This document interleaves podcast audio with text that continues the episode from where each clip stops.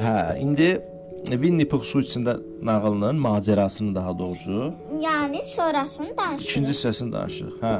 Axı Christopher Robin bayquşla qışqırırdı ki, Winnie, Winnie hardasan? Winnie birdən arxadan donquldayan səsi gəldi. O bal küpəsinin üstündə suyun içində gəlirdi. Christopher Robin dedi: "Bura necə gəlib çıxdın?" Winnie Pooh fəxrlə dedi: "Gəmi ilə Şuşada çox vacib müraciətnamə almışam." Amma gözümə su düşdü deyə oxuya bilmədim. Ancaq oxu özü oxuya bilmir həqiqətən. Öz gəmmə əyləşib sənə gətirdim. O kağızı Robinə uzatdı. Aa, Robin məktubu oxuyandan sonra dedi: "Bunu Piglet yazıb." Nə deyirsən? Bəs Winnie Pooh barədə heç nə yazmayıb? Ayı Robindən soruşdu.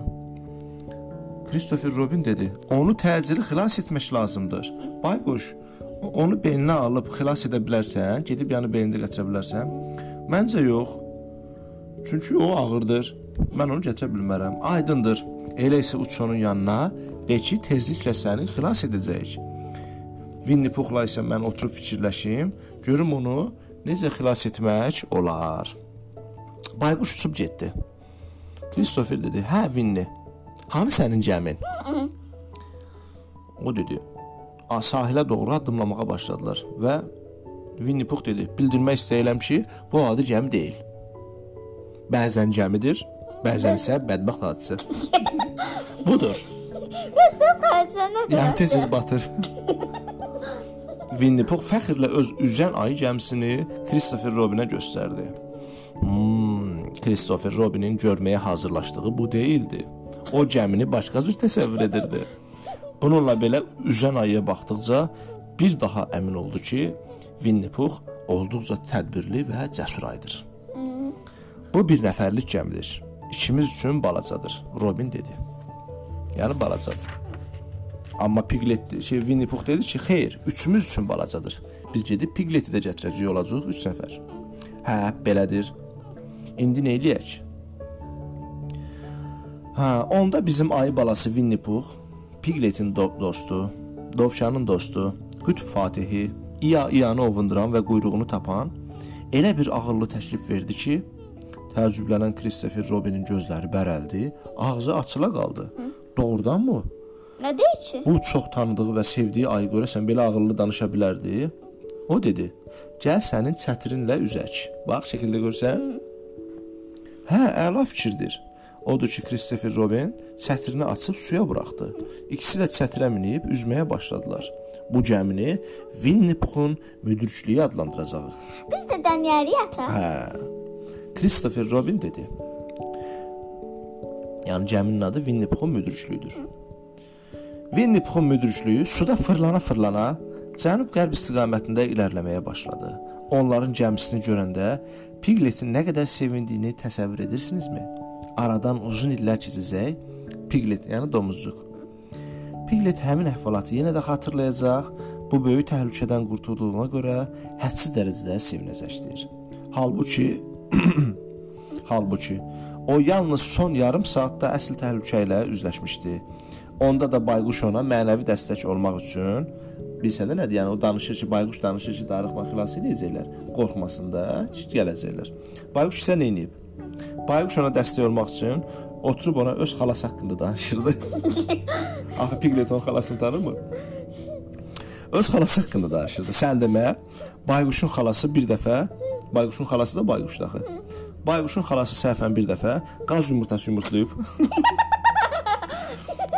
Pəncərədən başını çıxarıb Bayquşun hekayətini dinləyib Pigleti yuxu tutmuşdu.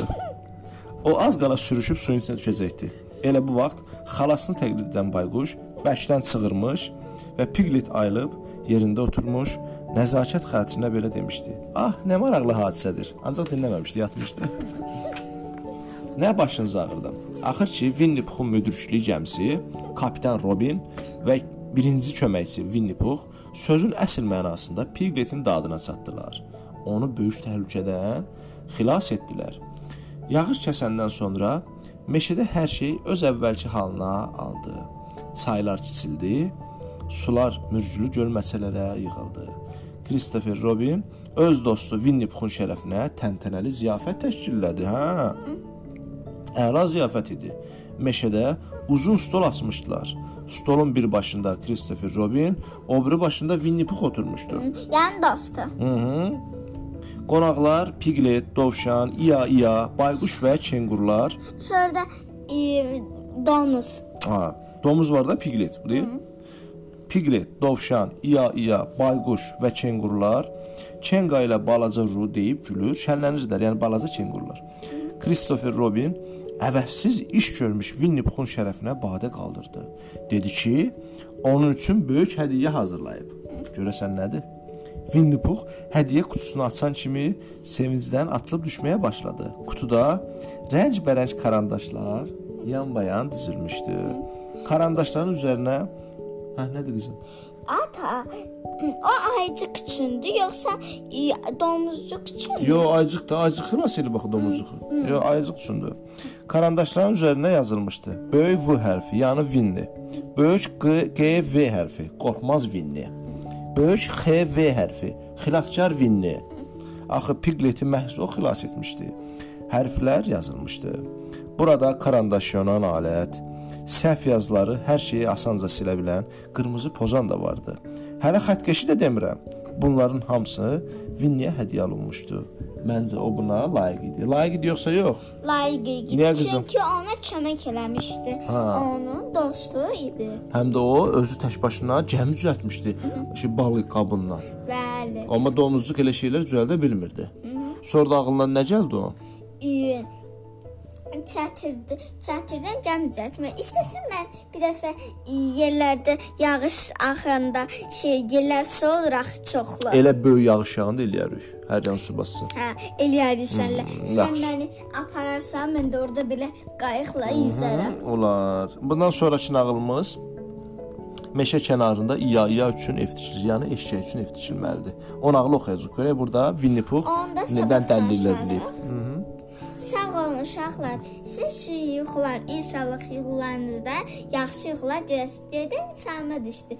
Biri mənim, biri nağıl söyləyənin, biri də sizin. Nə qədər siz dinləyin, çoxlu dinləyin.